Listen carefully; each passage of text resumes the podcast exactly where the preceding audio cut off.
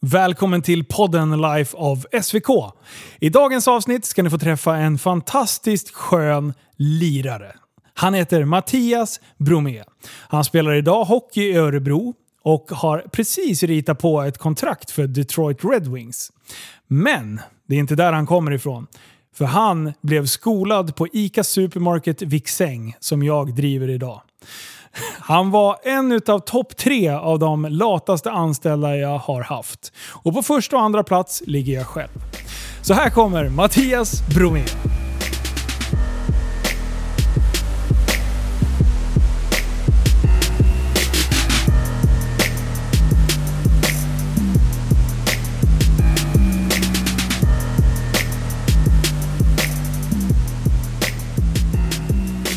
Välkommen till studion Mattias Bromé. Ja, tack så mycket. Du, vad kul att du kom. Ja, roligt att få vara med. Ja, du, du har ju lyssnat på Bergman-avsnittet. Ja, Och vi pratade egentligen innan Bergman också. ja. Så, så här, jag måste ju fan få höra din ljuva stämma i podden liksom. som vanligt hann han före mig. Ja, han är för jävlig alltså. Hinner alltid slinka sig in någonstans. Ja. Och nu undrar ju människorna, vad, vad är det här för filur?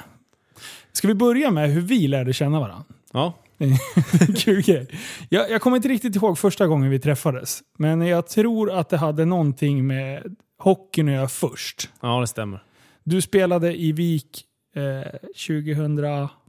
Ja, det var, jag var ju där sedan 10-11 med juniorerna. Sen var jag med i A-laget några år efter det. Då. Så Ja. det var väl runt där 13-14 kanske som jag träffade dig och Christer och Susanne. Hela ligan. Ja.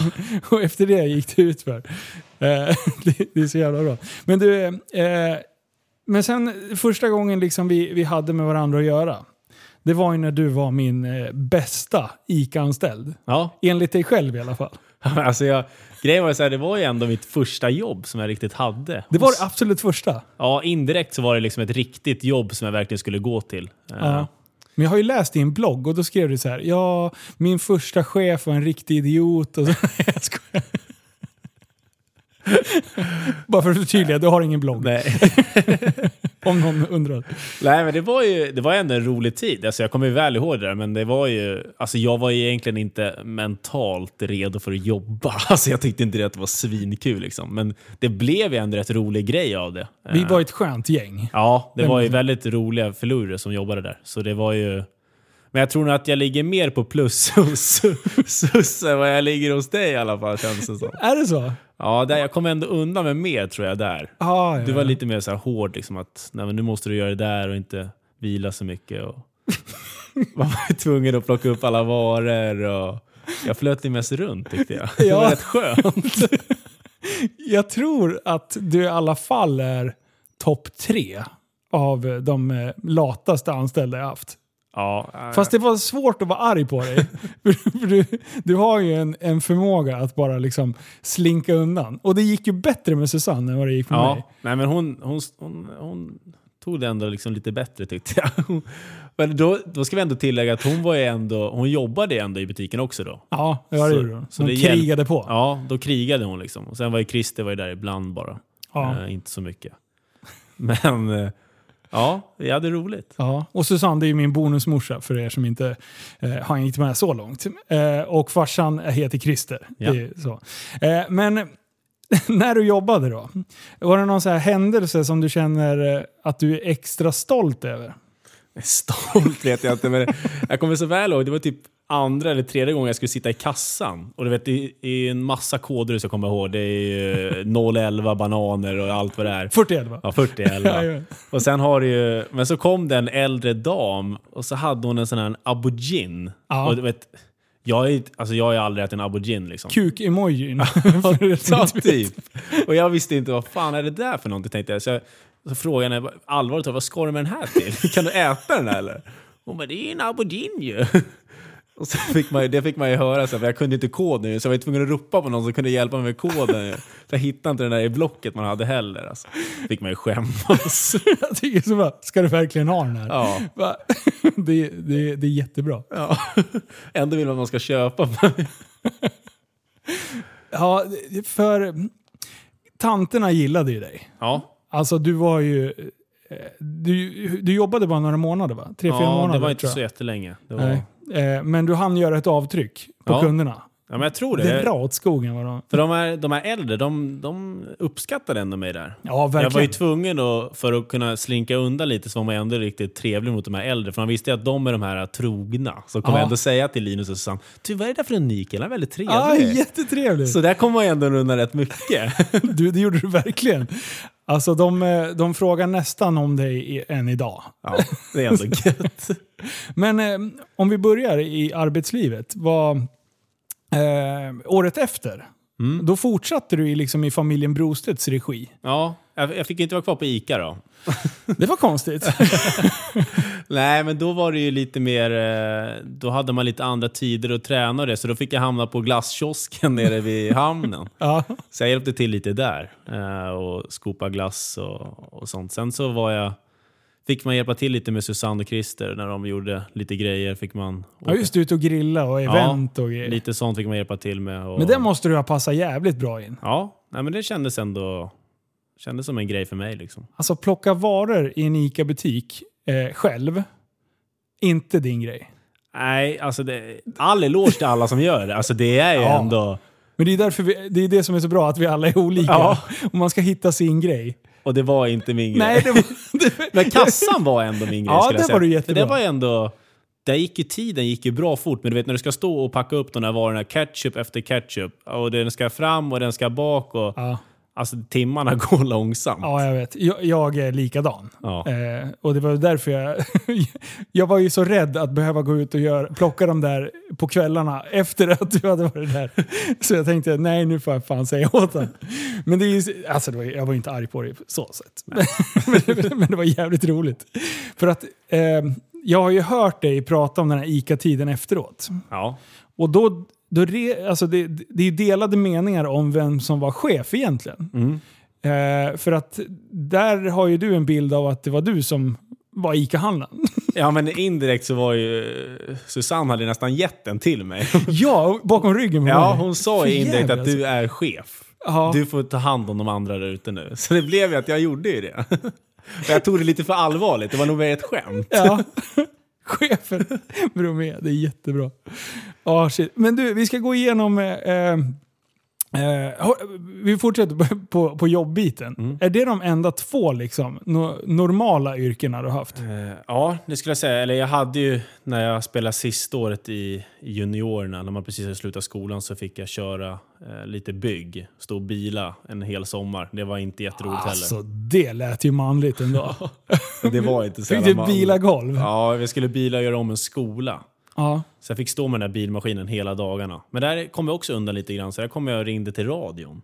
Då kan man kunna ringa in till radion på rasterna lite så här, kom man undan lite från jobbet. Nej, det är sant. Nej, Jag har inte riktigt den här jobbauran. Nej, Nej, för du, du är för jävlig på att kriga på. Ja. Men, men jag tror att du behöver en uppgift som, är, som känns meningsfull. Ja, eh, alltså jag, jag tror det är svårt alltså när man är, man är ändå passar ung också och veta vad man verkligen vill göra och vad som ska funka och vad man vill bli egentligen. Ja. Alltså man vet ju inte att, ja, men, att jag ska spela i SHL eller spela i NHL. Liksom. Alltså, det har man ingen aning om när man är Nej. 17 år. Liksom. Så det är ändå ett liv som kommer efter. Så Ja. det är ju svårt att veta vad man vill göra. Och, ni, och ni som liksom satsar på hockeyn på det sättet som både du och Bergman har gjort är ju att ni verkligen, det är en gamble. Alltså, Ja. det, är- det är verkligen en satsning som kan gå åt helvete också. Ja, men så är det alltså, vi, När du är så pass ung också och så kommer du upp i, i A-laget, du, du tjänar inte jättemycket pengar och du behöver ändå jobba vid sidan av för att kunna gå runt. Mm. Så det är ju tufft för vi som är yngre. Sen är det klart, när du kommer upp vissa steg så är det klart att du tjänar mer pengar och man har det jäkligt bra. Ja. Men alltså, du har ju fortfarande de här vanliga åren, hundåren som du måste göra innan du tjänar pengar, som det är på ett vanligt jobb. Ja. Och då ska man ha ett jobb vid sidan av. Sen ska man lyckas med hockeyn Mm. också. Och det är ju ehm, det är ju få förunnat att, att det studsar stolpe in hela tiden. Ja, man har ju perioder där det går lite jobbigare. Ja, rätt mycket. Så det är ju... Ja, Men det, du är ju alltså...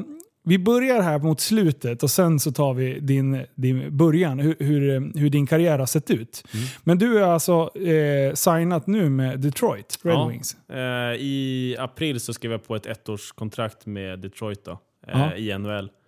Eh, var tänkt att jag skulle åka över eh, till när camperna skulle börja, men nu har de skjutit upp allting och vi har inte fått något datum än när det väl ska börja. Liksom. Mm. Eh, så jag hade ju två år med Örebro, så egentligen så bröts ju det kontraktet, men jag kunde bli utlånad till Örebro för att jag hade ett liggande kontrakt egentligen. Det är lite så komplicerat. De, Ja. I SHL tar de bara tillbaka spelare som, eh, som hade kontrakt egentligen. Okej, Det är därför inga, det är därför inte så många som spelar i SHL nu från NHL. Det är bara i Allsvenskan de får spela. Så har du brutit ett kontrakt, kontrakt för att åka över till NHL? Och det är alltid okej att bryta ett kontrakt för NHL? Ja, det har alla som spelar i Sverige har, har i sina avtal att man har rätt att lämna för NHL. Är, det, är det bara NHL eller är det andra eh, ligor också? Det- typ KL? Ja, eller? men KL, det måste du skriva in själv i kontraktet. NHL Okej. är, eh, det är, standard, inskrivet. liksom. Det är standard i kontraktet att man har rätt att lämna för NHL. Okej. Eh, sen KL och sånt, det skriver man in extra i sitt avtal. Liksom. Okej. Mm. Eh, hur, eh, om du skrev ett år nu då, kan det här året förfly, alltså flyta på så att du inte kommer över sen? Eller hur? Det är just såna här grejer som man inte har en aning om. Alltså det är, Vad svårt ändå. Ja, det är jättemycket eh, vad säger man, frågor som ingen har något svar på egentligen. Alltså vi alla sitter bara och väntar på att de ska säga att vi börjar den 20 januari Ja. eh, och du ska vara här den 1 januari. Mm. Och då får man åka liksom. Så det alltså jag vet, man vet ingenting. Nej. Eh, Har du varit över? nej. Eh, du, nej. Åh, du har bara liksom fått en, en kontakt och sen eh, fått information från klubben liksom, att Mm. vi, vi har Eh, signat det här nu. Ah, jag fick ju, jag träffade ju, jag har ju träffat några från Detroit eh, och sen så har jag även pratat telefon med Steve Eisenman och Kronvall och, och de här eh, som jobbar där i, Ja. i Detroit. Då. Är Kronvall kvar och jobbar inom föreningen? Inom Ja, klubben? han, är, eh, han hjälper eh, de yngre killarna som, eh, Ah, som coolt. har skrivit kontrakt med Detroit. Eh. Som är ute i Europa och i Finland, i Sverige. Och alla de yngre killarna så har han daglig kontakt med dem och, och ser hur deras utveckling och sånt är. Fan bra. Mm. Eh, ja, han är ju en legend inom eh, den rödvita tröjan. Ja. Jesus Christ. Har ni inte varit inne och kollat på YouTube på Kronwald så in och kolla det. Nu, där är ju också lite intressant. Vi- Jag och Bergman pratar ju nivån på eh, domare. Mm. Eh, både SHL och NHL. Eh, hur, eh, hur skulle du säga att, att, att utvecklingen har varit? Är det till en fördel att det har blivit liksom hårdare? För om man tittar på typ eh, Kronwall, när han var som, som bäst, när han satte in de här många eh, riktiga alltså stenhårda tacklingarna. Så hade de funkat idag? Alltså, jag tror inte det. Eh, Jag tror fan inte Jag heller tror att det hade blivit riktigt mycket strul med, med de tacklingarna. Alltså, Ja. Indirekt så är det inget fel på tacklarna, men nu pratar vi så mycket om i hockeyn med respekten. Och jag tror att de skulle vända de tacklingarna till att det skulle vara respektlöst. Det är min känsla här idag hur det skulle se ut tror jag. Ja. Nej, men jag är inne lite på samma, samma grej. För jag, jag tittade på, det var bara förra veckan, satt jag på YouTube och grejer. Sen kom jag in på de där. Och då tänkte jag bara, fan inte en av de här tacklingarna. Det här var ju liksom en hyllningsvideos, eh, eller en video till just eh, hans typ av fysiska spel. Men jag, då satt jag och lekte med tanken på att ingen av de här hade varit godkänt. Hade man gjort den här i Sverige, ja men då är det ju tvärkört. Men sen även i NHL så tror jag att många av de där skulle liksom blivit någon sorts eh, smäll på fingrarna på något sätt. Ja, alltså säkert. I NHL så är det jätte, där kan jag inte svara för det är så svårt att säga hur de har det där nu. Men alltså SHL så skulle jag nog säga att hälften av de här skulle nog bli visning här idag. Ja, ja sjukt. Men eh, då är det bara att hålla tummarna för att du får studsa över så snart som möjligt. Ja, det hoppas jag. Coolt. Men du, om vi skulle börja prata om din eh, hockeykarriär, vart den började. Hur, hur gammal var du när du spelade hockey? Eller började spela hockey? Jag började spela i Huddinge, då var jag fem där. Fem, sex. Man gick i den där knattegrejen. Mina bröder alla har spelat i Huddinge så jag var ju med där nere och körde med dem. Och Ah. Så är på Hur, hur, många, hur många syskon har du? Tre bröder. Tre bröder. Och du är yngst? Jajamän. Ah, det säger ju, det, det kopplar ju lite nu. Jaha, så, så de är också hockeyspelare allihopa? Nej, de har spelat allihopa. Ja. Eh, ingen spelar idag då, men eh, alla har ändå spelat. Så att eh, du var bäst. Ska vi bara sticka dem i ryggen och säga Ja, att... indirekt så var jag bäst. Ja, du var bäst. Ja. Men eh, hur, när, hade du liksom talang från början eller? jag, var, växte det fram? jag var väldigt bra tills eh, man skulle vara med i T-pucksåldern där runt. Då, blev in, då försvann jag mer och mer. Eh, då var jag inte lika bra, men annars när man var yngre så var jag alltid den som vann alla poängligor och allt sånt, gjorde mest mål och sådana grejer. Men sen så försvann det mer och mer. Eh, sen kom jag inte med i TV-pucken eh, och de grejerna. Sen så, samma sak när man skulle söka hockeygym, eh, därav var jag hamnade, ändå i Västerås sen. Men det gjorde jag ju andra året på gymnasiet, för jag kom inte in någonstans första året. Så jag kom in på reserv, eller som en tryout fick jag åka till Västerås och, och göra liksom. Så kom jag in på den vägen. Aha. Så det har inte alltid varit spikrak resan liksom. Nej. Hur... Eh, TV-pucken är ju ändå en stor grej. Nu, nu spelar du som sagt i Stockholm. Eh, jag och Bergman var ju lite inne på, vi, de har två lag. Mm. Hur delar man, eh, hur delar man liksom eh, stan för att eh, dela ut de här två lagen? Aj, jag, jag vet faktiskt inte hur, de, hur de väljer att dela det. Tänkte om det var så här norra Stockholm Ja, men det kanske är lite norra Stockholm och sen södra Stockholm. Liksom. Men det är jättesvårt för jag vet inte. Vi hade ju två lag också när, när jag var... Ja, det är ändå många spelare som är med. ja det, och, och det, Man var inte ens nära. Otur. nej, det, det är ju svårare att komma med i Stockholmslaget än att komma med typ som jag gjorde i Västmanland. Liksom. Ja. Ja. För ni hade fan mer målvakter än vad vi hade utespelare.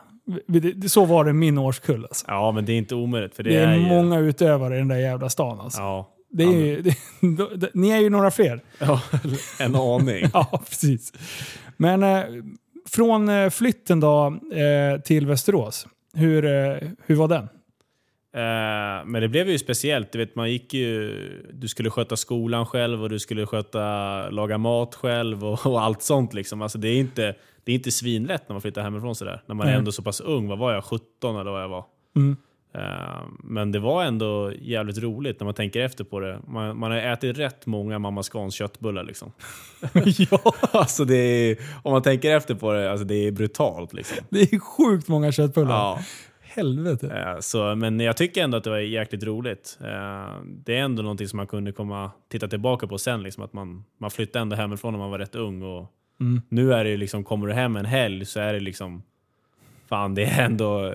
Det är länge sedan man bodde hemma. Ja, Det blir ju annorlunda. man blir van snabbt. Ja, Eh. rätt mycket van blir man. Det, ja. Men eh, vart flyttade du då? Fick du egen lägenhet direkt? Eh, ja, jag fick eh, Gustav Björklund som spelade i A-laget då. Ja. Eh, jag fick hans gamla lägenhet. Och vad, he- vad ligger det någonstans? Där ligger ju... Och jag är så dålig på så... här- Skallberget? Nej, andra sidan Skallberget. Andra sidan vägen.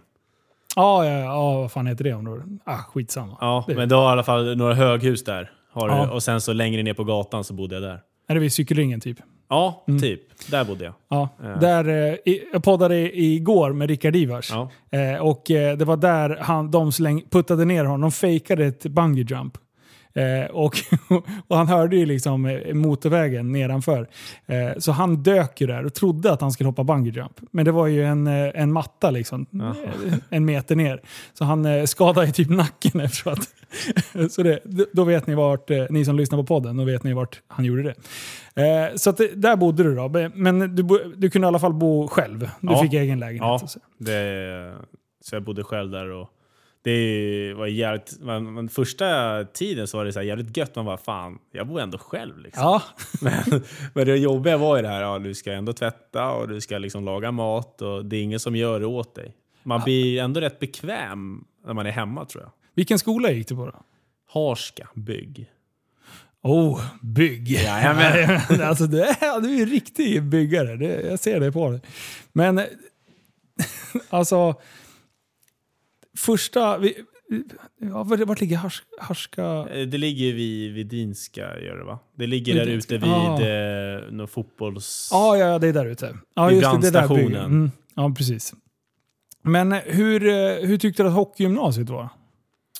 Eh, det funkade faktiskt rätt bra sådär, men det var ju också så du vet, du tränar klockan vad var det, sju på morgonen tror jag. Ja, Och innan dess skulle jag käka frulle och... Så alltid Göran Lundberg som var den här junioren, kom alltid på morgonen och sa bara, Vad har du ätit idag till frukost? Fick man sitta där man bara, två ägg och, och gröt. och det De- var ju de har total egent- lögn. De har alltså. egentligen käkat två rostade och, och boy liksom.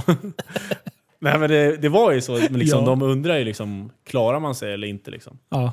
Men man erkänner ju att man inte klarar sig. Ja. Mycket. Man bara, ja, det var nog så. Ja. Nej, men det var ju... det var ändå roligt. Alltså det är ändå, du träffar ändå vänner som du har kvar idag liksom, när du Ja. går i gymnasiet. Så, det, är, det är en väldigt bra period i livet skulle jag säga. Hur gick hockeyn på den här tiden i, i Västerås?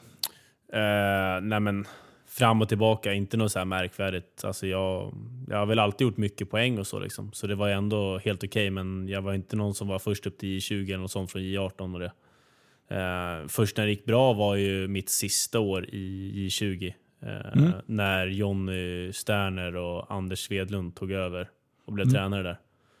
Eh, då fick jag spela som mest och det var då det gick som bäst och då jag fick vara med i A-laget sen efter det. Så det var väl egentligen sist, man skulle kunna säga jag var bra när jag var liten och sen så stannade det av många år och sen så i sista året i J20 så Då pikar du till. ja, jag hade ju nästan indirekt förberett mig på att spela i division 1 liksom. Ja, Alltså jag... och det blir ju, det är, det är fortfarande, missförstå mig rätt nu, det är, det är en hög kvalitet.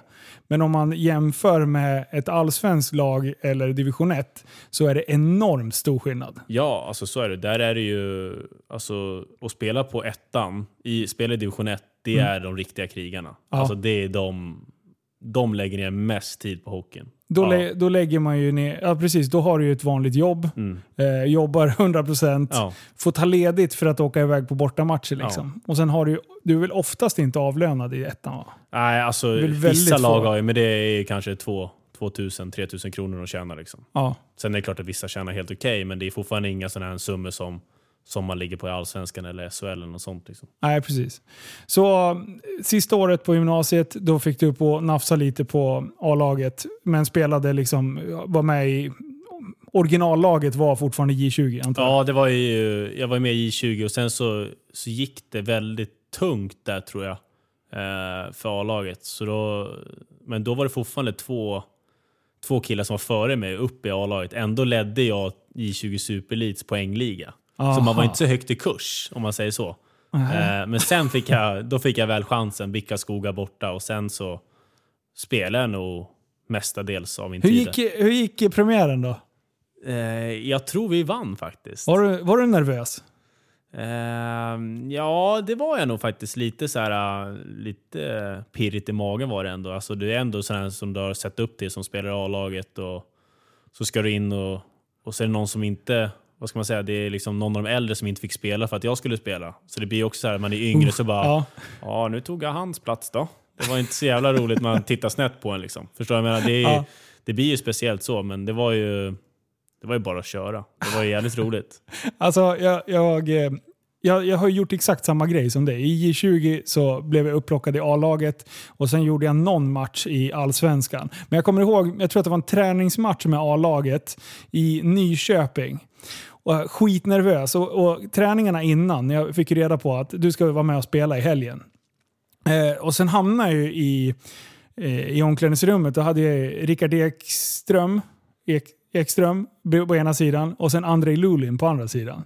Och, och Lulin, första gången, han, han är en så här, en rysk eh, powerback som kom in och hans signum var ju de här låga höfttacklingarna som idag typ är clipping. Alltså, eh, och eh, han hade ju skadat hur mycket folk som helst med den där jävla tacklingen. Så att vi hade ju, alltså, han var ju lite av en legend för oss när vi var små. Och så hamnade jag bredvid honom. Liksom. Han hade ju spelat hur länge som helst. Han hade li- blivit inlånad till Vik. Eller han, han spelade där i, i Vik. Ja, jag vet fan. Så då tittar han bara på mig. Det bara, Ey, Ica handlar sonen. Jag bara, ja. Han bara, vill du ha semester? Och sen drar han eh, fingret så här över halsen. Jag bara, nej, nej, nej, jag vill inte ha semester. Han bara, akta knäna. Så han, och, och sen, jag bara, fan, och ingen, ingen leende eller någonting efteråt. Eh, Så han bara psykar ju mig. Liksom. Men efteråt då, då bara, blev du rädd eller? Men just då, då är man inte superkaxig. Nej, man är ju inte när man kommer upp så här ung också. Det blir ju... Alltså när jag kom upp som junior i A-laget, Ja. hade ju, det var ju Slangen, det var Lind, det Ja. var Per Helmersson. Alltså vet du, det är så här riktigt de som har spelat länge. Ja, Idag när, du, när de här yngre kommer upp, det är inte samma... De har inte samma, vad säger man, jargong än vad vi hade. Vi gick liksom och, och satte oss i ett hörn och så satt vi tysta. Nu när, när de unga kommer upp, de är ändå så här pratar och. Så det så, ska vara. Liksom. Det har ju utvecklats åt rätt håll. Ja. Det kan man ju säga.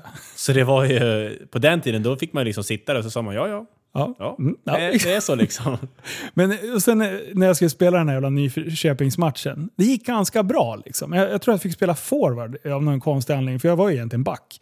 Eh, men det, eh, alltså skickade de in mig framför kassen i, i ett powerplay eh, och då blev jag crosscheckad av den här jävla så här han var tre huvuden längre än mig, skitstor. Eh, så bara stod han och crosscheckade mig i ryggen så här. Så jag typ bara vände mig om och så typ satte jag klubban i bröstkorgen på honom och tryckte bort den en gång. Jag bara, men din jävla, vad håller du på med? Och då började han mer. Då bara tog han i mer och mer. Så till slut, jag bara släppte, släppte i klubban, bara skickade klubban och sen bara började boxa på den här jäveln. Så jag tog fight med den största killen i det laget. Så det slutade ju med att eh, ja, han, han buntade ju säkert bara ihop mig där. Jag, jag, jag, jag vill minnas ungefär som du minns ICA-tiden. Att jag var chef. Ja. Så, så läktaren började bara “Linus Broster” så bara stod och klappa. Så att, eh, ja, det här är bra. Jag fick ingen, eh, ingen matchstraff i alla fall. Skönt. Jag slängde inga handskar, men det är ju ont att slå på en hjälm med handskar, så man vill inte skicka dem. Nej, så att det, det var... Det var det, den, sitter, den sitter fast fortfarande. Ja. Men, eh, och sen då? Då lämnar du som eh, J20 och då blir du ordinarie i A-laget. ja, så jag fick ju vara med i A-laget. Men det är också så här lite speciellt, typ när du kom upp i A-laget i Västerås så, så har man ju haft en roll i 20 innan. Mm. Eh, där man var, du spelade powerplay och liksom du var en fram, framträdande spelare. Liksom. Mm. Så kommer du upp i, i ett A-lag och så hamnar du som extra forward eller fjärde line och ska egentligen bara chippa ut pucken och så gå på det. Liksom. Mm. Spela enkelt. Ja, och det blir ju... Dump and chase, dump Ja. and chase. Så jag blev ju typ som en, en sån spelare där i Västerås i de två åren som jag var. Jag skrev på ett treårskontrakt. Ja. Eh, Men jag fullföljde bara två år för jag kände att alltså, jag kan inte stå och, och spela fjärde line hela mitt liv. Liksom. Alltså, jag vill ändå utvecklas mer och jag känner att jag har mer i mig. Vad hade man kunnat gjort då från Västerås sida? Är det gett dig mer förtroende? Eller? Alltså, det, är, det är väldigt svårt när det kommer upp en junior eh, och så ska han in och spela i, i någon topplina. Så, liksom. Eh, vi hade ju otroligt bra lag under den tiden jag var där. Ja, det hade ni Eh, verkligen. Det var ju, vi var ju så nära på att gå upp i SHL. Det var ju det året vi hade två chanser att gå upp när vi mötte Rögle eh, och Karlskrona. Då. Ja. Så eh, det var ju var det Jeremy Williams och Nick Angel, vad hade du mer? Dustin Jones, eller vad Mm. han heter. Alla de där hade det som var hur bra som helst. Så det var ju tufft att spela, men jag tror att eh, jag såg någonting med Pannanen nu när han tog upp någon junior från J20 i Västerås nu. Mm. Eh, så satte han in han i en topplina eh, i A-laget. Ja. Och det är ju egentligen den, det steget du behöver göra tror jag, för att du ska kunna bli en sån spelare över tid på Allsvenskan. Att våga ge de yngre chansen.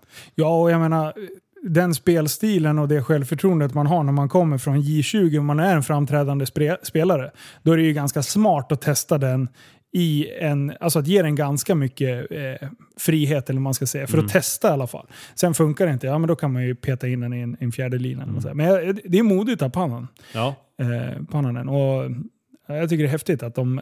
Och just den hela den här diskussionen kring hur man har blivit mer human inom hockeyn. Mm. Eh, tycker jag ju är ett sundhetstecken. ja absolut.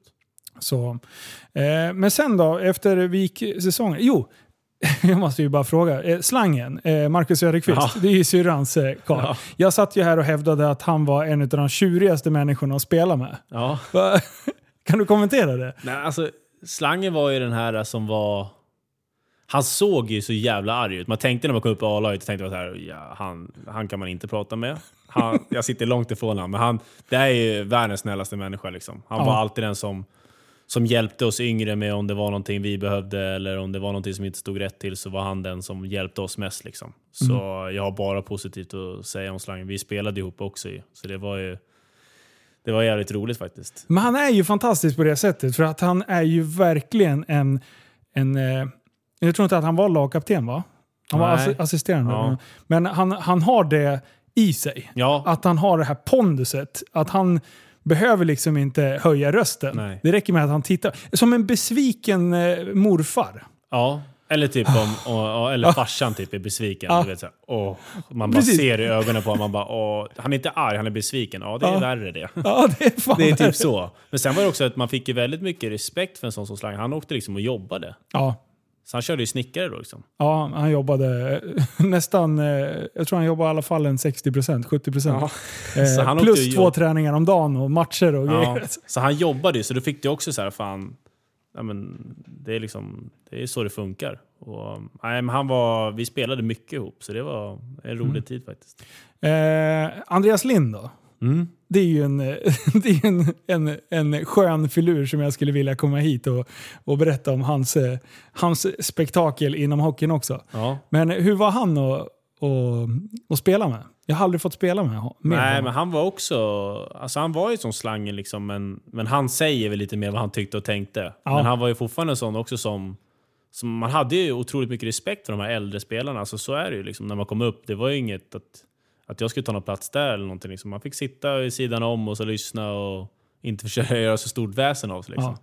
Och sen Eh. att de just jobbar så extremt hårt hela tiden. Det är inte liksom att, att någon åker, ställer in en skridsko liksom Nej. larvar runt. Utan det är stenhårt jobb på dem. Ja. I alla fall de två. Ja, men de var ju mycket liksom att de försöker förklara för oss yngre liksom hur det funkar och du behöver göra det här för att kunna lyckas på den här nivån. Och, alltså jag tyckte ändå att de två var väldigt, alltså väldigt bra människor. Liksom. Sen Mm. är det klart att det, eh, Lind var väl lite mer hård än vad Slangen var på det Mm. sättet. Eh, men samt, Lind var inte lika besviken. Han var lite mer arg. Ja, han var nog så, lite mer jag, arg. så skulle jag vilja beskriva det, Ja. även fast jag inte vet. Jo, men det skulle jag nog säga. Han, var, han är lite mer den arga typen av dem. Och sen eh, när han inte är arg så är han svinglad. Ja, Ja. Ja, men han är ju väldigt, alltså, väldigt glad och så, liksom, inget konstigt med det. Men han är mer, på isen är han ju mer arg än vad slangen är. Ja. Slangen, liksom, där vågar jag ändå sitta och prata på bänken. Lind, där gick jag nog inte att prata med på bänken. Liksom. Jag höll mig lite undan. Men du, lönenivåer och sånt där. Eh, mellan tummen och pekfingret. Bara för att folk ska liksom få någon sorts inblick. Liksom i, för annars är det ju så här, ja, är du hockeyspelare? Ja, hur många miljoner har du på banken? Det är ungefär som bara, ja, är du ICA-handlare? Ja, hur, hur många Ferraris har du i garaget? Ja, men ni har ju många. Ja men sluta! Du borde ju veta, du var ju min ICA-handlare. Ja, jag vet hur det funkar. Men eh, hur, hur ligger lönenivåerna ungefär på ett, ett, ett standardlag? Du har ju lite koll mer på, vi behöver inte ta just VIK, men om man ser som eh, generellt sett över en, en, eh, en allsvensk klubb. Eh, när, jag, när jag spelar Allsvenskan, då tror jag att Alltså, det beror ju på också, också vilket lag du är i. Är du i toppen av Allsvenskan, Ja. då har ju, de har ju större lönebudget än vad de har i, Precis. i botten. Då. Eh, Men när jag spelade så tror jag nog ändå att snittet var nog med runt 30 000 i månaden. tror jag. Ja. Snittet var. Sen var det alltid folk som tjänade mer. Ja. Och så vi som tjänade mindre också. Liksom. Mm. Eh, Det är ju, nu idag tror jag ju tyvärr att lönerna är lägre. Alltså Okej. för de spelarna tror jag. Eh, och det här som händer nu i världen också med corona kommer ju drabba folk ännu mer liksom, inom hockeybranschen. Och det. Ja. Sen är det klart att alltså, vi tjänar ju bra pengar. Alltså, det är inte det, man sitter inte och säger att ja, jag tjänar ingenting. Men Nej. vi har, man har ju ändå gjort de här åren där du inte har tjänat så mycket pengar. Mm. Som gör att du tjänar pengar idag. Mm. Eh, så man har inte alltid bara fan vad fett jag har levt liksom. Nej, jag, det var väl eh, en period där i alla fall där du, där du inte hade... Du, ni fick, ni, fick ni hjälp med lägenheter och sånt där? Nej. Inge, ingenting? Nej. Eh, för då var det inga gigantiska summor. Nej, jag, jag hade 5000 i, i Västerås eh, när man spelade där. Liksom. Ja. Eh, och kunna, då har du ändå lägenhet och du behöver liksom Mat. mat och du behöver ett jobb vid sidan av för att kunna gå runt. Ja. Ja, när man gick i gymnasiet då fick man något så här bostadstillägg tror jag. Som Ja. betalade tror jag, halva hyran och sånt. Så det, min farsa har liksom betalat hyran till mig i, när jag bodde i Västerås. ja. För det går inte att gå runt annars. Alltså Nej. det gick inte. Eh, så det är man ju tacksam över att man har kunnat få hjälp på det viset. Men sen idag är det ju stor skillnad på vad man tjänar då. Liksom. Så, Ja. För eh, ja, men jag tycker det, det ligger lite i allmänhetens intresse just för att slå hål på fördomar. För eh, jag tycker det för mig som har liksom en inblick, ja, men typ Marcus då, syrrans karl, alltså att eh, jag har ju sett hans slit. Eh, och, och jag menar, när han blev skadad i hockeyn, ja, då blev det ju liksom problem för då behövde han ju få in inkomsten fortfarande på, på sitt snickarjobb och jobbar ju väldigt, väldigt hårt. Eh, så att, eh, ja, det är intressant. Eh, men sen då? Men det är ju väldigt, alltså löner är ju generellt väldigt känsligt att prata om i, i, i Sverige. Alltså med Ja. hockeyn och det märker man ju direkt typ nu i SHL. Om någon blir avstängd i SHL, då kommer ju lönen ut vad du tjänar. För det är ju, du får ju Ah. bötesbelopp och sen visar det ju typ vad din lön är. Aha. Så där är vi också mycket så här, hur fan kan de tjäna så där mycket pengar? Men då får Ja. man ju också tänka att vi, vi är hockeyspelare i 10-12 år. Mm. Det är de åren jag kommer kunna tjäna pengar för att spela hockey.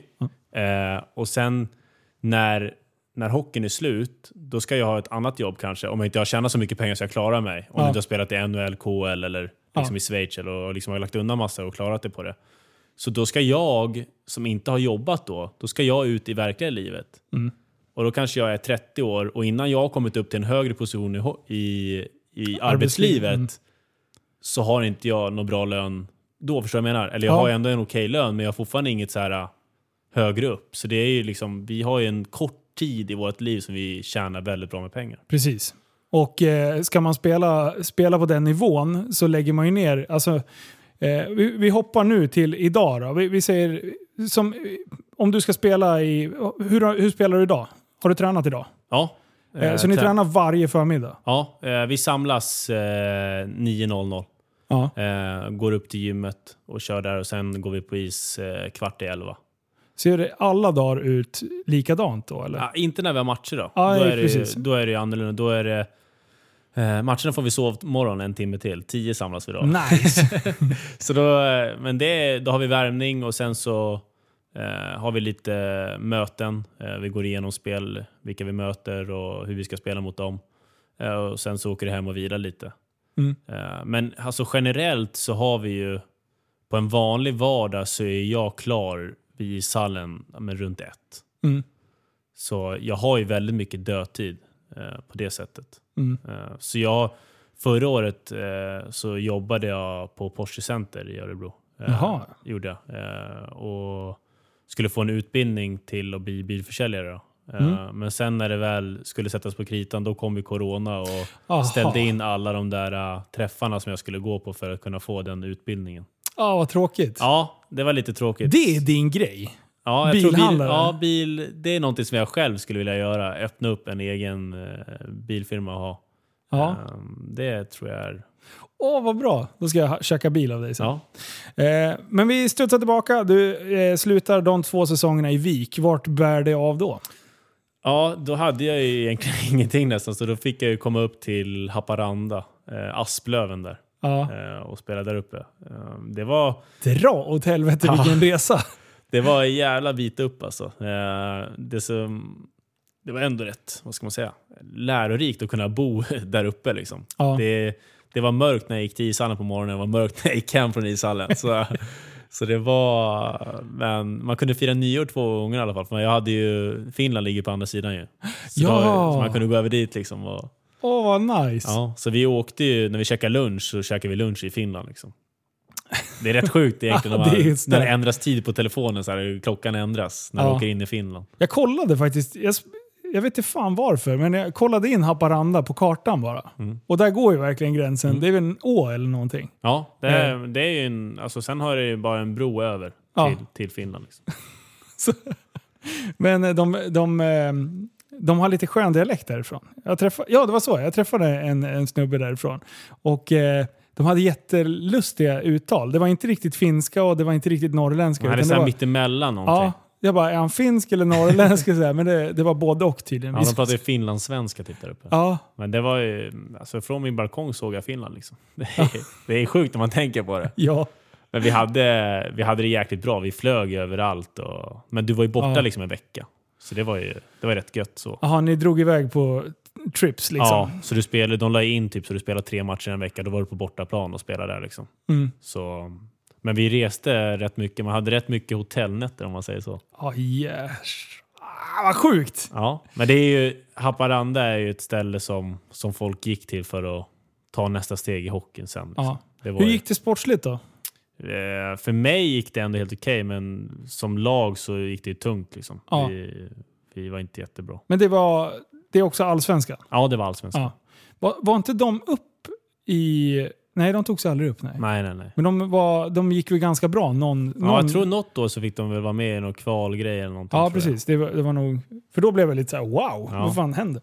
Ehm, nej, men det är kul att, det, alltså att hockeyn ändå breder ut sig över hela Sverige. Att det inte bara är eh, centrerat liksom till Mellansverige och södra Sverige. Men samtidigt, när man ska resa upp dit, då, eh, just när det är bortamatch där uppe, Ja. då är det ingen höjdare alltså. Nej, det är liksom, du har två timmar till Luleå för att åka buss till flyget. Så, så åker du, om vi säger att du ska till Malmö, så får du flyga dit och sen ska du hem så tänker du så här, fan vad gött, nu har jag landat i Luleå, nu är jag hemma. Nej, då har du två timmar i bussen hem. Åh fy fan. Så de resorna var egentligen det jobbigaste om man skulle Ja. ta det så. Ja, jag, ja, jag, jag kommer ihåg eh, resorna upp. Vi drog ju i J20. Då var vi upp till Umeå och Luleå och Ja. grejer. Fy fan. Alltså, och den här diesellukten från bussen när du står utanför. När du sitter på bussen är det ingen fara, men när du liksom ladd, lastar trunkar och sånt där. Jag, bo, jag börjar utveckla någon så här må illa-känsla av bara lukten. Så när jag går förbi en lastbil idag, då kan jag få den här flashbacken av att behöva sitta på en bussjävel så där länge. Ja. Och det, och det fanns ju liksom inte så att du hade med dig på min tid, då fanns det ju inte rörliga bilder i telefonen. Liksom. Och du hade ju inte med dig, eh, ja, det var väl någon som hade med sig någon burk, kanske. Men allt var ju så jävla mäckigt. så man fick plats med en halv film på de här datorerna då. ja, lite skillnad mot idag. Ja, idag va, sitter och streamar allt. Liksom. Men eh, efter eh, Haparanda då? Ja. Vart, eh, hur hamnade du och vart hamnade du? Då eh, fick jag chansen att spela i Mora. Då. Eh, Så, Ja, jag, så jag bodde där i, i tre år. Eh, Jag spelade ett år i Allsvenskan och sen gick vi upp eh, med Mora till SHL. Så var jag där i två år i, i Mora då, i SHL. Så um, väldigt, jag, jag, trivs väldigt bra i Mora. Eh, Det är ett ställe som, som jag garanterat skulle kunna ha en sommarstuga i eller något sånt. Vart ligger, vilken serie lirar Mora i nu? Allsvenskan. Vi åkte ur mitt sista år. Okej, så du börjar Allsvenskan, SHL ett år. Att, Två? Ja, ja, nej, ett eller två. Nu blir jag osäker. Ja, det, det, man kan inte hålla reda på. Nej. ja, men jag, tror, jag tror vi var eh, ett år, eller om det var två år i SHL och sen andra året åkte vi ur SHL. Jo, så var det. Ja. Vi spelade två år i SHL eh, och sen när vi skulle kvala det tredje året då åkte vi ut SHL. Hur, eh, hur var liksom själva resan att ändå plocka upp en klubb i SHL? Det är ju stort. Ja, alltså det är otroligt stort och speciellt när man, när man ändå var en bidragande faktor till att vi gick upp också. Liksom, och Det fick gick bra för dig den, Ja. i Mora va? Ja, jag fick spela mycket och, och gjorde mycket poäng och, och var en bidragande orsak. Så det var ju klart att det var väldigt roligt. Och sen slog vi ut Leksand liksom också som är... Ja, den rivaliteten. Ja, så det var ju ändå ett kval och, mot dem som var väldigt speciellt. Ehm, så eh, jag kommer väl ihåg det. Det var väldigt rolig tid eh, när man fick höra slutsignalen när vi hade gått upp. Men när, när ni åkte ur, Mm. var inte det också mot Leksand? Jo. Vi mötte... Jag spelade i Mora i eh, vad var det, tre år. Eh, vi mötte Leksand alla år i kval. Eller fyra år. Eh, Jaha, det var ni två. ja, vi mötte varandra varje år. Liksom. Ja. Men hur är rivaliteten där? Eh, den, är, den är ju där. Liksom. Eh, så det är ju klart att det är känsligt på de ställena. Så, liksom. Eh, men de är ändå liksom supportrarna kan ändå liksom klara av varandra. Liksom, om man säger så. De kan liksom gå och, ta, gå och handla i samma kiosk. Liksom, om du förstår vad jag menar. Det är inte... Det är inte Stockholms derby liksom, där, man, där det går inte att ha samma personer på samma ställe. Liksom. Så, Men det känns ändå som eh, dalmasarna, de är, det är ganska timida och städade människor ändå. Även fast de är väldigt så här, vad ska man säga, patriotisk fast till, sin, eh, eh, till sitt län.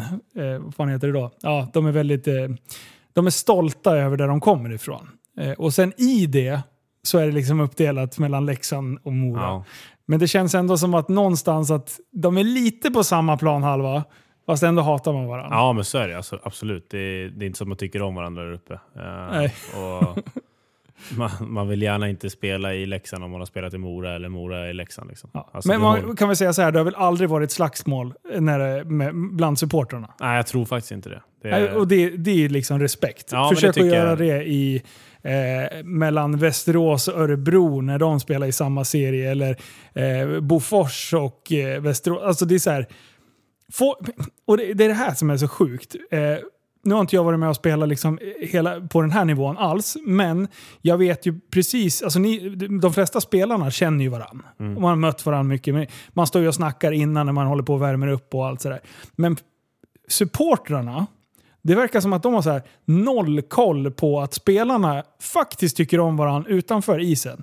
Sen när det, när det är match, ja, då är det fullständigt krig. Det är, liksom, det är precis som en MMA-fighter. Eh, de, de taggar till inför match, de håller på att slå ihjäl varandra och efteråt då är man ju polare igen. Ja, Liksom. men det är lite så. Jag tror många har svårt att se människorna utanför hockeyn. Ja, Jag tror man är väldigt låst till att det där är hockeyspelaren. Han, han kan inte tycka om han. nej. Nej men alltså vadå, det är en kompis till mig. Ja, Alltså vi har känt varandra i 15 år. Innan vi spelade mot varandra så Ja. har vi känt varandra. Och det är väl klart som fan att jag kommer snacka med han efter matchen. Mm. Alltså vi träffas inte så ofta längre som att vi spelar på två olika ställen. Det är klart att vi står och surrar med han, även fast vi har förlorat eller om vi har vunnit. Liksom. Men Mm. det, är, det är som om, om jag ringer min morsa eller farsa efter matchen. Liksom. ja. Alltså det är ju samma grej. Ja. Så det, är liksom, det går inte ihop tycker jag. Så varför det kan bli sån grej över att man, man pratar med en kompis. Jag har ju sett sådana inlägg så här. Ja. Men det är klart fan de spelade dåligt idag för jag såg att en vikspelare var ute och käkade och, och Ja. tog en promenad med Bofors. Då gjorde de upp matchen. Man bara, men fan. Ja. Vad tror du? Alltså, Men sen när man väl är på matchen, jag hade garanterat kunnat slåss med han då under matchen. Alltså så är det. Det är liksom... det är nästan mer. Ja, det blir nästan argare på honom då. Men sen när väl matchen är släppt och det har gått 10-15 minuter efter matchen, då kan man liksom... Ja. Alltså det är min kompis. Ja. Så man måste se skillnaden på människan och på, på hockeyspelaren. Liksom. Och det tror inte jag att de som inte har upplevt sporten på det sättet, Nej. de gör inte den kopplingen. Nej, det tror jag inte. Eh, för, för man kan ju vara galen. Alltså, min bästa polare som man hade i, ett, alltså i hockeylag som man hängde med i skolan och det. På planen och vi hamnade i olika lag. Ja, då var det ju propp-SM liksom. men Man skulle ju sätta så. åt varandra. Och det är det som är grejen. man vill inte liksom. skada, men, men, men ändå. Då vill man ju äga skiten ur den där jäveln. Och Ja. sen var det glömt. Ja, Eh, men det blir ju så. Det är liksom...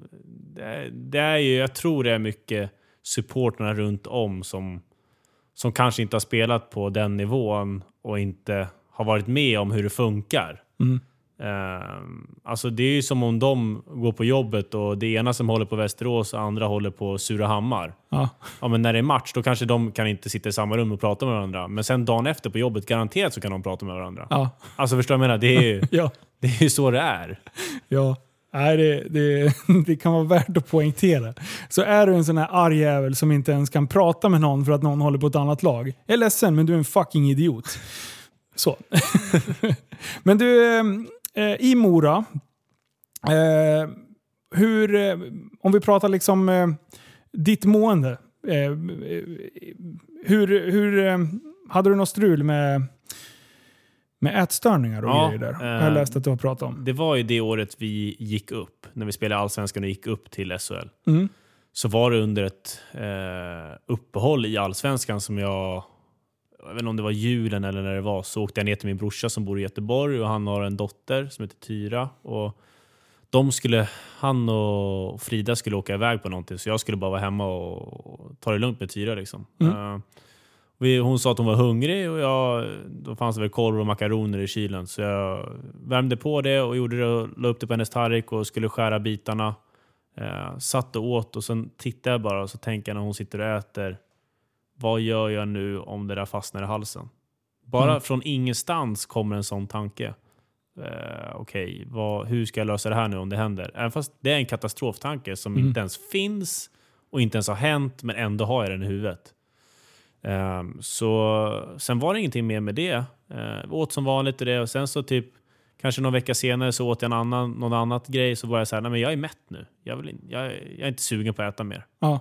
Och så blev det successivt hela tiden. Så under kvalet, när vi kvalade upp till Mora, så, så hade jag otroligt låg energinivå liksom. Mm. Eh, med maten och det.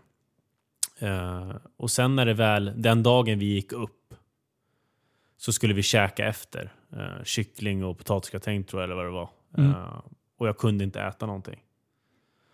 Åh fan. Ja, eh, det var som att det bara släppte allting för mig. Att det gick inte. Så direkt när jag stoppade i munnen så var det som att det blev ett lock för halsen. Som blev att, fan, vad, kan jag andas eller? Så jag fick ju typ dra ut tröjan ur halsen, alltså från halsen och liksom försöka andas liksom.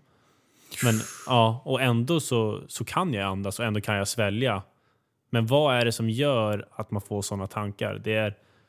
Vad Sa du att det var precis, du fick den här tanken eh, lite tidigare, Mm. men sen när ni hade gått upp, eh, när ni alltså precis, si- sitter ni och firar då eller? Ja, så skulle vi äta efter vi hade firat och det liksom, så skulle vi bara käka middag eh, som en liksom så här... äh, Ja, men, Så, så egentligen var det liksom pressen som släppte på något Mm. vänster?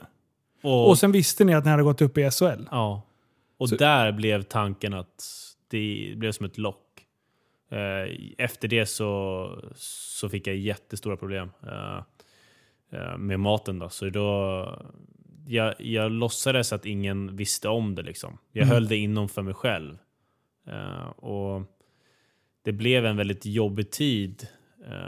vad man skulle liksom, hur man skulle kunna berätta för någon att fan, jag kan inte käka. Liksom. Det är ju det är sjukt att man ens tänkte så på den tiden att, att man ska behöva skämmas över att berätta en sån grej. Mm. Och det gjorde jag. Mm. Så jag hade, jag kommer väl ihåg, jag var på väg upp till Mora igen eh, från vi skulle ha, eh, vad heter det? Vi hade så här träningsveckor liksom, Ja. under sommaren då. Och jag skulle upp dit och jag pratade med min agent som man har, Jakob heter han. Och vi satt bara och pratade och han sa någonting till mig så jag blev så jävla arg på honom. Liksom. Mm. Över, ja, det var väl antagligen för att jag hade ingen energi i kroppen Ja. och du vet, man bara tände till direkt. Ja. Och bara la på. Och sen så ringde jag upp han och var ledsen liksom och sa att fan jag, jag kan inte äta. Ja. Eh, så då fick jag, då hjälpte de mig väldigt mycket. Han ringde upp till Peter Hermodsson som är klubbdirektör i, i Mora. Då. Mm. Eh, fick jag åka och träffa eh, en, en person som heter Helen Kvile i, i Mora.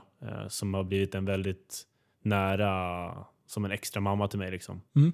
Så jag, under tiden när det var som jobbigast fick jag bo där hos Tom. Okej. Eh, Så jag bodde hemma hos Helen och Lennart och dem och, och fick äta. De båda två är läkare. Och då är det också så här en grej som gör att tryggheten av att veta att det är en läkare i rummet Mhm. gör att jag kan äta. Men skulle jag sitta själv och äta, då kan jag inte äta. Alltså hur Nej. kan hjärnan vara så stark? Ja, det är, ju, det är ju stört. Men det är som eh, just det här när man tänker på att man ska svälja. Mm. Då, då blir det ju kaos. Jag kan som sagt jag kan svälja 20 tabletter i ett svep. Mm. Men ibland, då bara så här, hur fan kan jag svälja alla de här? Tänker jag när jag stoppar in. Mm. Så här, eh, på gymmet då har man ju så här pumptabletter och såna här grejer. Lite vitaminer och skit. Eh, och de är ganska stora. Det är, liksom, det är tufft att svälja ibland. Men just när jag tänker att fan, nu ska jag svälja det här. Då går, det är som att det låser sig. Och man, bara, man, man gör så här fyra, fem försök och sen går det. Så här, är, det, är, det, är det exakt den känslan som du hade liksom med att det bara... Alltså det, det går inte att svälja, eller blir torrt i munnen. Ja, det, alltså, det blir torrt i munnen och sen blir det som när du väl sväljer, ja, då tänker man så här, fan fastnar den där halsen nu? Och då, även fast den åker ner, så så tänker du att du spänner, du blir, du blir lite så svettig om händerna och, och kallsvettig och, och så får den här fan panikkänslan. Liksom. Alltså, du får ju som att du är jagad. Liksom. Ja. Alltså, det är ju en, en sjuk, sjuk grej att få. Så, men sen fick jag träffa även en, en otroligt bra läkare i, i Stockholm som hjälpte mig med små grejer hela tiden. Så jag blev ju, jag gick ju ner tror jag 13 eller 14 kilo under den tiden. Och då var det ändå så här, det skulle vara mitt första år i SHL, jag skulle spela också med Mora. Ja. Så under den sommaren när jag skulle spela i Mora så kunde jag inte träna någonting. Mm. Om du, det, jag, jag tänker spontant så att det, det är kopplat antingen till att en, en eh, press som släpper eftersom det är så pass eh, strax efter ni gick upp. Eller så är det liksom så här, okej, reality check. Nu är det SHL. Nu börjar det ställas krav på mig. Tror du att det har någonting med just pressen eller är det bara att du var utmattad efter kval och, och liksom... Det är så jäkla svårt, alltså för jag, jag har ju även pratat med psykolog och sådana grejer om det. Ja. eh, För att liksom få en bild av det, alltså vad kan det vara? Men det vi har egentligen har hittat i allting är första tanken bara med när jag satt med dottern, eh, med, med brorsans dotter. Ja. Att den lilla grejen, som är en skitsak, ligger kvar i huvudet och blir större och större och större. Till slut tar den lilla saken över din hjärna och gör, Mm. bestämmer över dig. Ja, i Så- tankens kraft ska man fan inte leka Ja, men med. alltså, alltså. och sen tänker man ju så här att men, men ät och svälj maten. Alltså du Ja. har gjort det hela ditt liv. Alltså vad är Mm. grejen? Men alltså, och så tänker man så här, men hur fan kan du må dåligt egentligen? Du har allting du vill ha. Du lirar Ja. hockey där och har gått upp i SHL. Och, och då blir det också så press på. Vad fan, okej, får inte jag må dåligt? Ja. Så uh, jag tror mycket av det är, är också en stor grej, att man blir så stressad. Ja. Och sen är det ju det är mitt jobb att träna och inte kunna träna, då blir du ännu mer stressad. Ja. Så allting hör ju liksom ihop. Mm. Uh, men jag tycker även att det är en lärorik tid i mitt liv som har gjort att jag har vuxit också som människa och, och kunna vara öppen med och säga att jag mår dåligt. Alltså jag tycker att vi är ändå 2020. Liksom. Det är, du ska liksom kunna säga och tycka och tänka vad du vill göra liksom, och hur du mår och vara öppen med det. Ja, och det, det kan, tycker jag att man kan koppla till det jag sa tidigare med att hur man tar emot en junior i Mm. ett seniorlag nu. Så tycker jag man har lärt sig enormt mycket med det. Att man är mer... Man förstår att alla människor har ett inre krig om någonting. Mm. Och sen finns det de som är största kritikerna till dem. Det är ju de som aldrig har stött på någon sån här grej själv. Nej. Och eh, jag kan ju inte relatera i vad du säger nu. Jag försöker sätta mig in i hur tanken är. Men jag kommer aldrig kunna veta om inte jag upplever det själv. Men däremot så är det ju väldigt viktigt att inte döma någon och typ låsa sig vid en tanke av att det där är konstigt. Ja, absolut. När man tittar på det som tredje person. Det är konstigt. För det är en väldigt naturlig, naturlig re, alltså, reaktion av kroppen att man ska kunna svälja. Men eh, det är ju som sagt, man måste ha förståelse för varandra. Ja, men det är ju det som är det, är det, som är det, det konstiga med allt, över att, att någon kan tycka och tänka om det. Mm. Alltså, ja, det är som oftast de som mår psykiskt dåligt. Mm. Det kan ju vara den som är gladast på jobbet. Ja, precis. Alltså det är det som är grejen. att det, Man kan inte veta om en människa mår dåligt om man inte får veta det. Om Nej. inte han säger, men, eller hon, "Ja, jag mår dåligt. Liksom. Mm.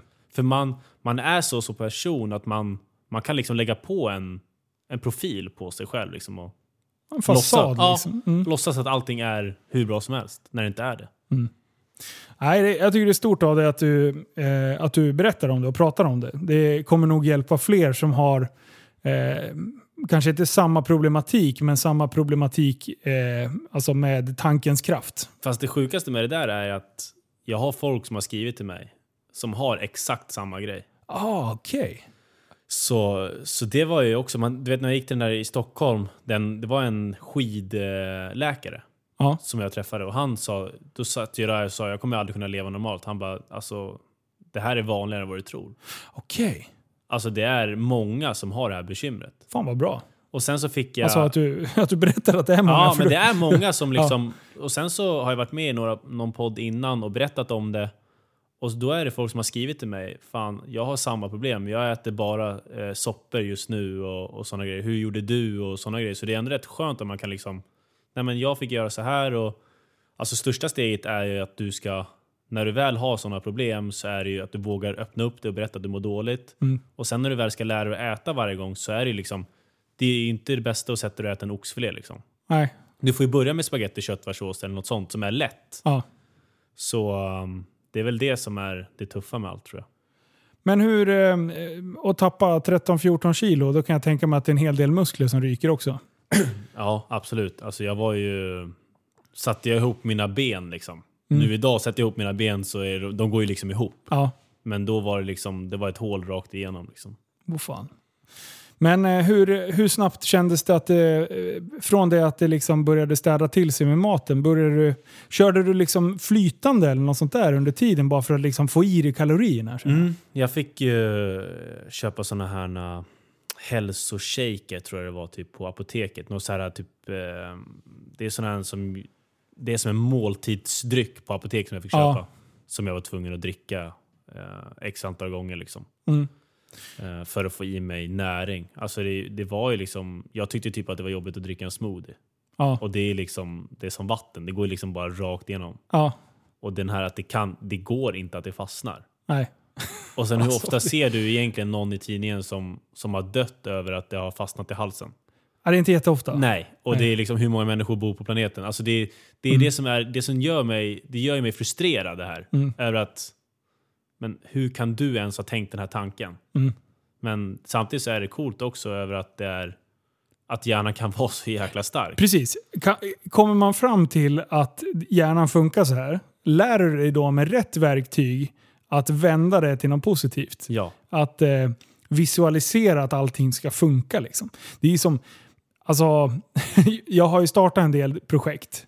Och i min värld så finns det inte att det inte ska gå. Nej. Utan jag bara grindar och grindar och grindar. Till slut funkar det. Liksom. Eh, sen har man ju insett att en del projekt, ungefär 80% har gått ner i soptunnan också. Men vad fan, det, det är alltid någon som går hem. Ja, men det är ju så. Det är ju, men det är ju samma med maten. Liksom, att du måste ju lära dig stegen som gör att du ska kunna leva ett normalt liv. Ja. Sen är det klart att jag än idag har problem när jag äter vissa grejer. Men jag vet hur jag hanterar det idag. Jag sätter på tvn, höjer volymen på tvn, jag hör dem prata. Vips så är mina tankar på tvn istället för maten. Ja. Och då kan du äta. Istället för att du sitter i ett tomt rum, du sitter med din tallrik och äter då. Då är det ju strul att äta. Ja.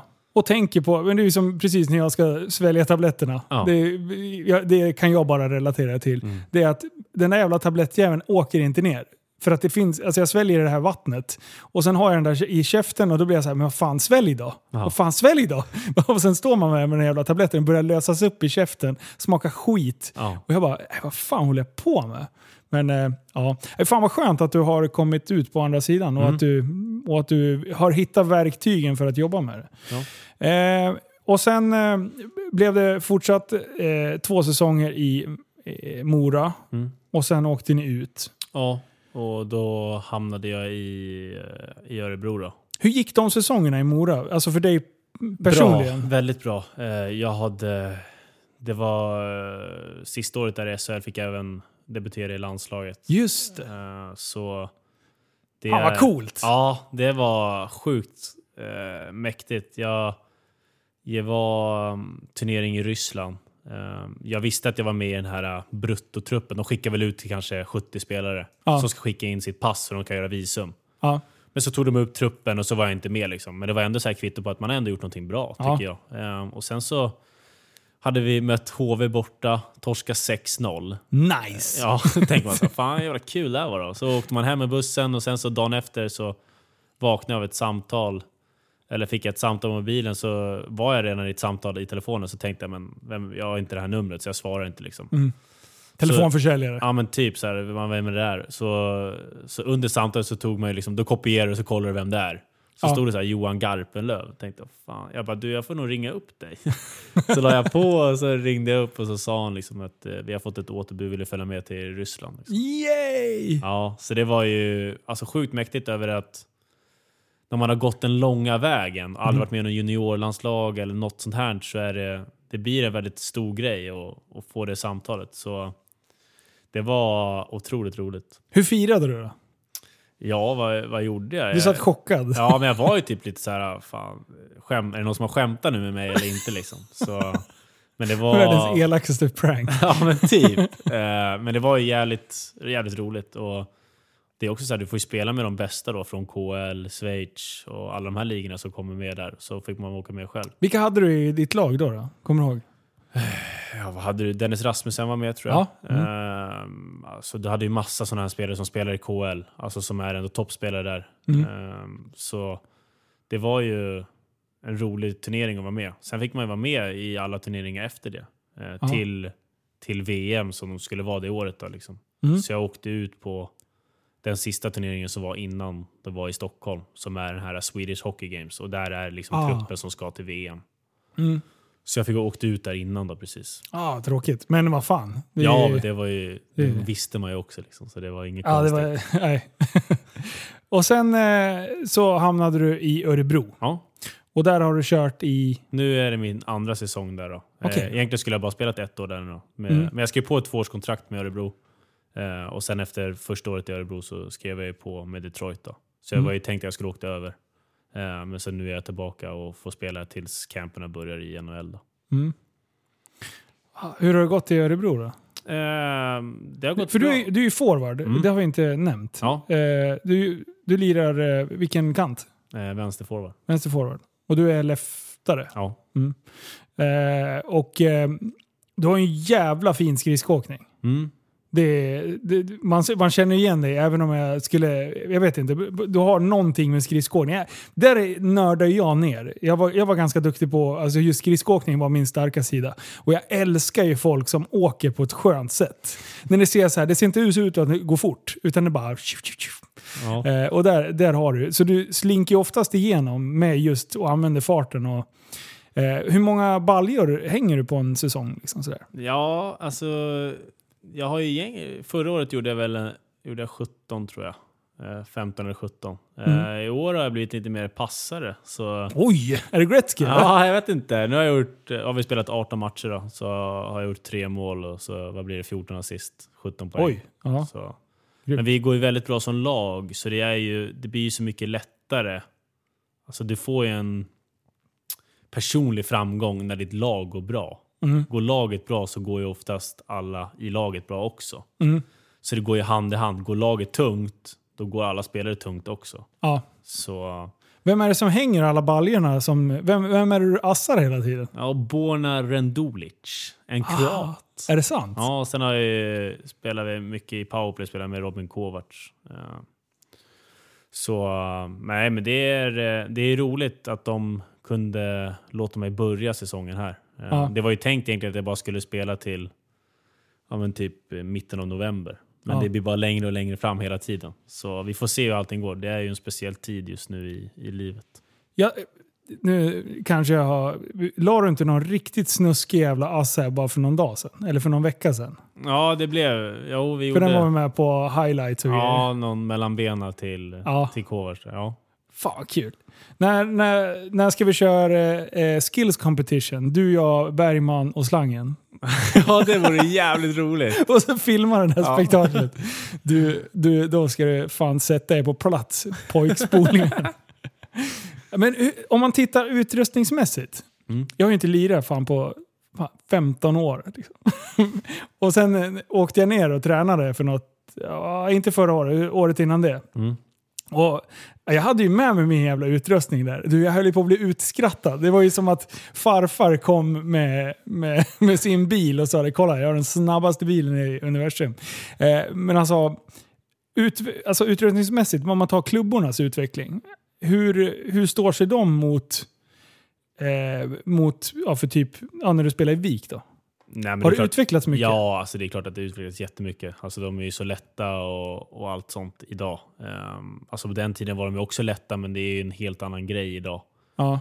Alltså klubborna är ju, de väger ingenting typ.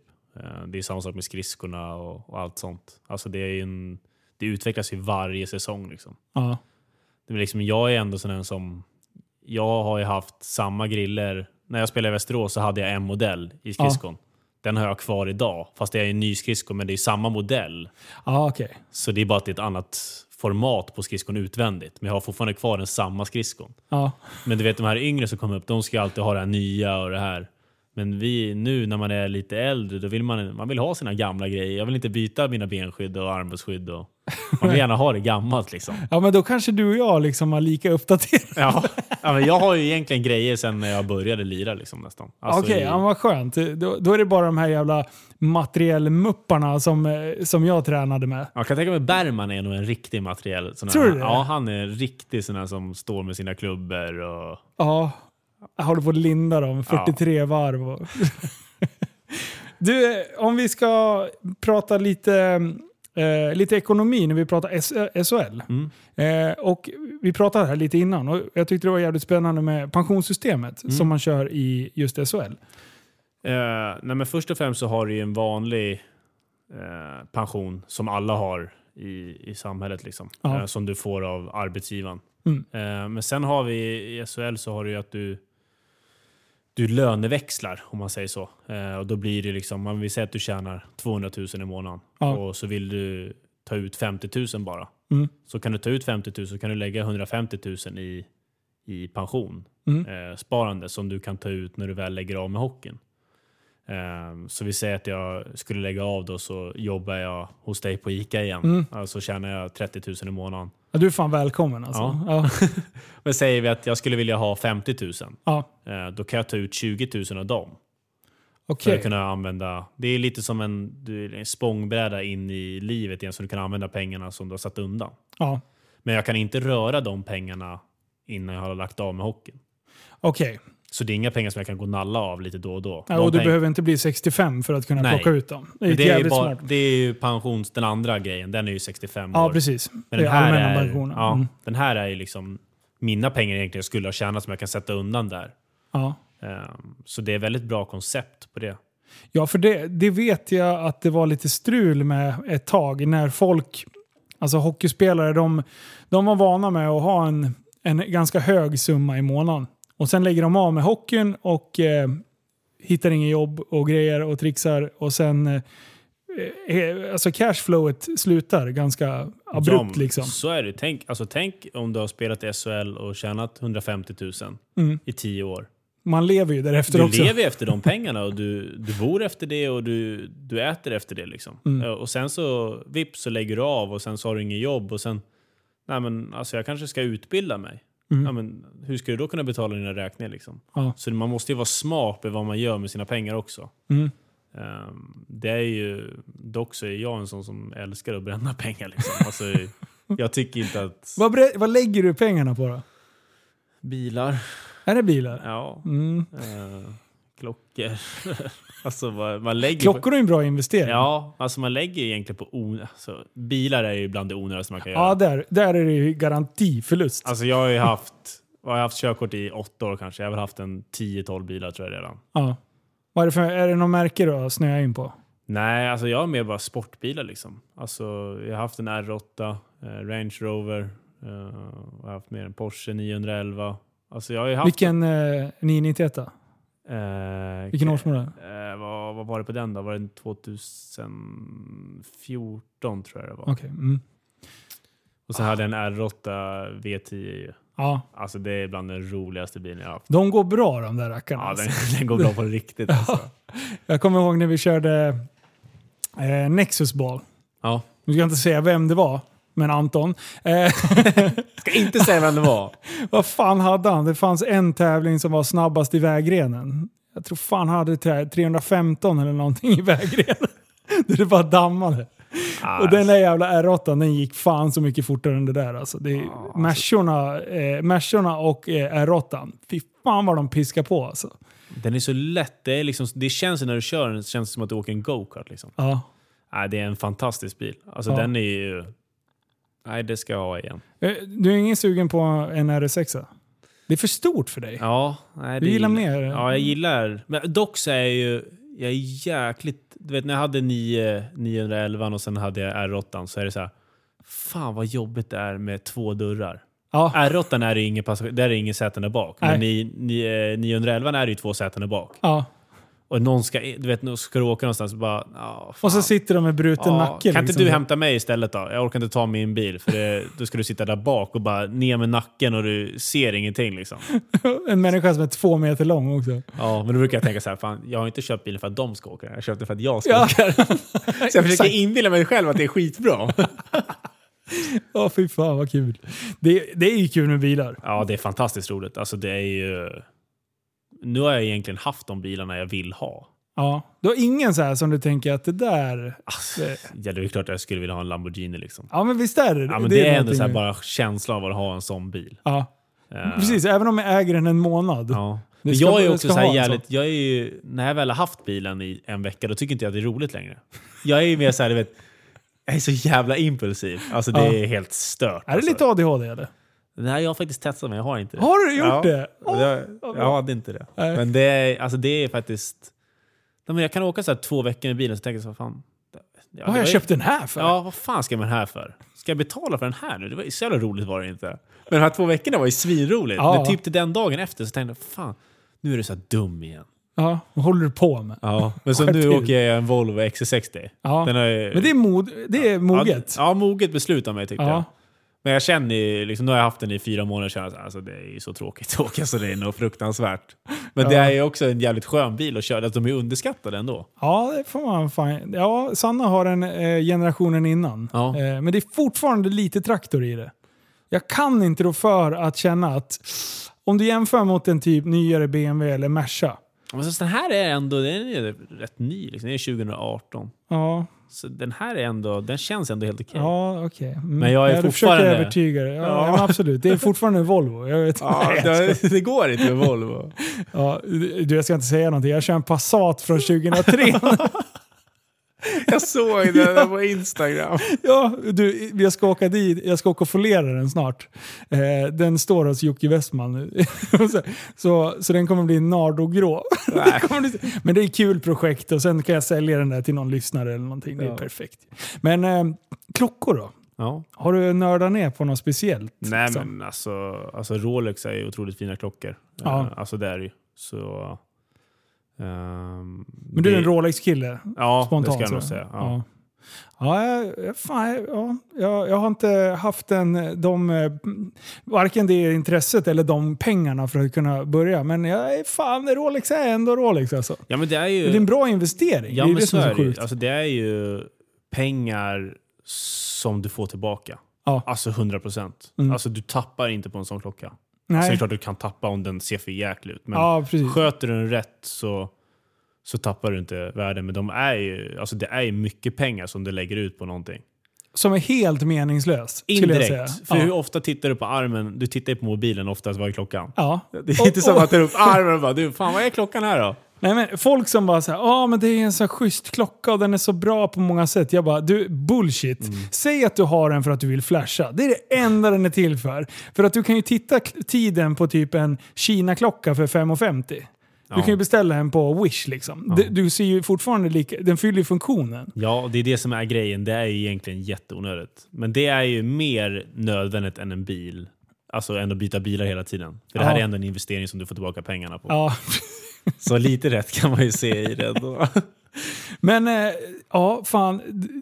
Jag är sjukt taggad på att du ska över Atlanten sen. Mm. Eh, det, jag hoppas verkligen att det studsar stolpe in där för dig. Ja. Och eh, du, lycka till med lambon också. ja, du ska få åka med sen. Ja, då, du, jag ska ju köra den där. Du ska sitta bredvid. Och sen vill jag verkligen att du ska utbilda dig till eh, bilförsäljare. Ja. Kan väl bli Porsche-specialiserad ett tag. Mm. Eh, och så kan jag köpa min första Porsche av dig. Mm. Och sen, eh, sen kan du starta egen bilfirma.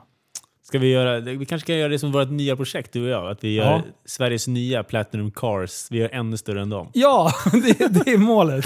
Ja! Då har vi spikat det. Du, tack snälla för att du kom hit. Tack för att du var här. Hur, om man, eh, om man vill följa din resa då, vart eh, kan man göra det? Eh, Eh, Bromme på Instagram. Bromme. Ja, B-R-O-M-M-E. Yes. Finns på Instagram. Perfekt. Tack snälla för att du kom hit. Tusen tack. Ha det gött! Tjena! Gillar du podden och skulle vilja vara med och bidra till dess fortsatta utveckling så kan man göra det via Swish på 0734 33 29 95. 0734 33 29 95. Stort tack för att ni har lyssnat så hörs vi nästa avsnitt.